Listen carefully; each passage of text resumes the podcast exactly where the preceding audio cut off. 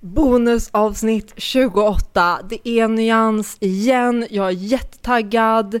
Det är jag, Hanna, som pratar och sen är det... Jag, Kajan. Och så Paula. Då har vi inspelningen igång. Så ja, åklagaren kan väl börja ställa frågor.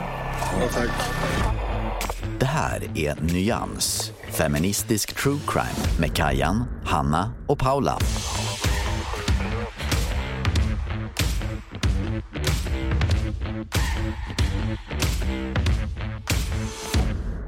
Och nu är vi så redo. Jag är äntligen tillbaka i Sverige Yay! och jag är så taggad på att spela in det här avsnittet. Hur mår ni?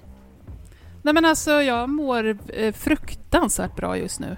Åh, oh, fruktansvärt. Det här hör låter ni- fantastiskt. Det här hör ni aldrig mig säga annars. Nej, faktiskt inte. Nej men jag är ute, vi är ute hos eh, och husvaktar min pappas hus. Eh, I några dagar, för att det är lite långledigt med klämdagar och sånt där. Så att just precis nu för typ 10 minuter sedan så kom vi tillbaka från eh, första badet för, så, för i år. Åh, Så jag har fortfarande bikiniöverdelen på mig, jag hann liksom inte ta av mig den. det låter helt underbart. Ja, och vi hade med jordgubbar och... Så jag mår riktigt, riktigt bra. Paula. Ja, men jag mår också fint. Har haft eh, en dag, tog, tog klämdagen ledigt. Så att vi har bara varit idag. Vi var på 4H-gård och sen åkte vi till Kronoborgs slottsruin och käkade lunch och sen ja, bara myst. Och Hanna, du är hemma igen. Hur känns det?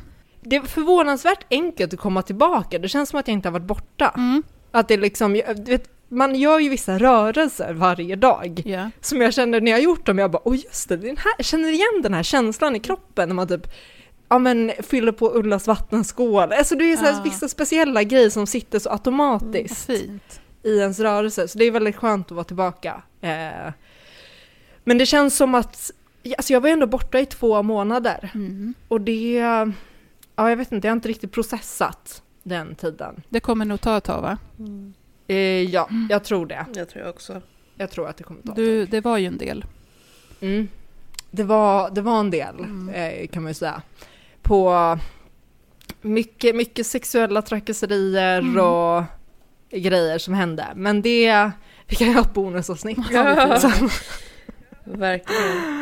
Eh, Ja, men Ja. du får ju åtminstone ha en, ett helt... eh, I ett snackisavsnitt får du ju ha en hel ja, recap ja. med allt som Det- missat. Det, det finns ju vissa där jag tycker behöver eh, hängas, eh, själhalas och upp och ner. Verkligen. Ja. Ja, nej men det, mm, speciellt nu när man börjar få lite distans till det så blir man lite så här, vänta nu, Mm. den här grejen kanske inte var jättebra. Nej. Vi, eh, ni lyssnare, ni, vi, jag kommer, vi kommer återkomma till det så får ni veta när jag har processat det. Då tycker jag vi kör igång. Det här är ett mastigt avsnitt, inte minst på diskussionen. Skulle jag säga. Vad Ja. är detta Kajan? Oh my god, jag precis- måste ta bild. Börja så smyger Jacke in här. Jag tror att de har gjort milkshake där nere. Men alltså den där ser ju helt sjuk ut. Ja. Kan inte du, snälla, kan inte du ta en bild? Jag vill ha en bild. Jag vill ha en bild och lägga upp på Instagram i story så ni kan få se. Vi har så himla tur, nu har han gått. Men för det första jag tänkte göra var att börja skälla för att han kom in och öppnade dörren. Och så hann jag stoppa mig.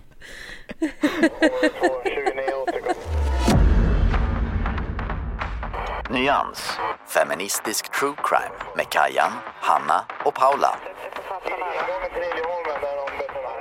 Idag så kommer vi prata om ett väldigt uppmärksammat fall, väldigt aktuellt fall och det är förstås eh, barnamordet i Eslöv. Vi har en FUP på den, en saftig förundersökningsprotokollsbunta. Vi har en tingsrättsdom som är väldigt eh, ny. Jag har lyssnat lite grann på ljudupptagningar från rätten. Vi kommer förstås prata om hur det här fallet har pratats om i sociala medier, i artiklar och mediebevakning generellt. Men vi börjar med händelseförloppet precis som vanligt. Brottsoffret i det här fallet, där det är ett väldigt litet barn, men familjen har själva gått ut med namn, så vi kommer använda oss av det också. Det är Matteo, 18, 18 månader. Förövaren heter Andreas Andersson, Eh, 39. 9 december klockan 11.22 på förmiddagen. Vi är i Eslöv. SOS får in ett samtal från en pappa som meddelar att han har tagit livet av sin son som är 18 månader. Han säger att han orsakat sonen strypning genom att böja barnets huvud bakåt. Larmcentralen försöker försäkra sig om statusen på det lilla barnet men pappan uppger att pojken absolut är avliden. Han säger sig ha försökt med HLR men att det inte hjälpte och efter det har han gått runt i lägenheten i panik i runt 30 minuter. Pappan, som heter Andreas Andersson, bedöms som lugn under samtalet men uppmanas ändå flera gånger att eh, sitta still och hålla sig helt lugn när ambulanspersonal och polis snart kommer till honom. Men jag tycker i alla fall att det här, just när det kommer till, till påföljd, ja, domen som helhet, jag tycker det, jag håller helt med tingsrätten. Inte jag. Jag Inte jag heller. Nej, okej. Men vad fan, nej. Jag hatar när jag ska vara själv och inte hålla med. Område 2, 29 återkom. Nyans, feministisk true crime med Kajan, Hanna och Paula. Det här var då ett litet smakprov på vårt Patreon-exklusiva avsnitt om mordet på Matteo. Vill du lyssna på hela avsnittet och få veta till exempel hur jag och Kajan resonerade när vi inte höll med tingsrätten och hur Hanna tänker som höll med dem så får du gå in och bli Patreon.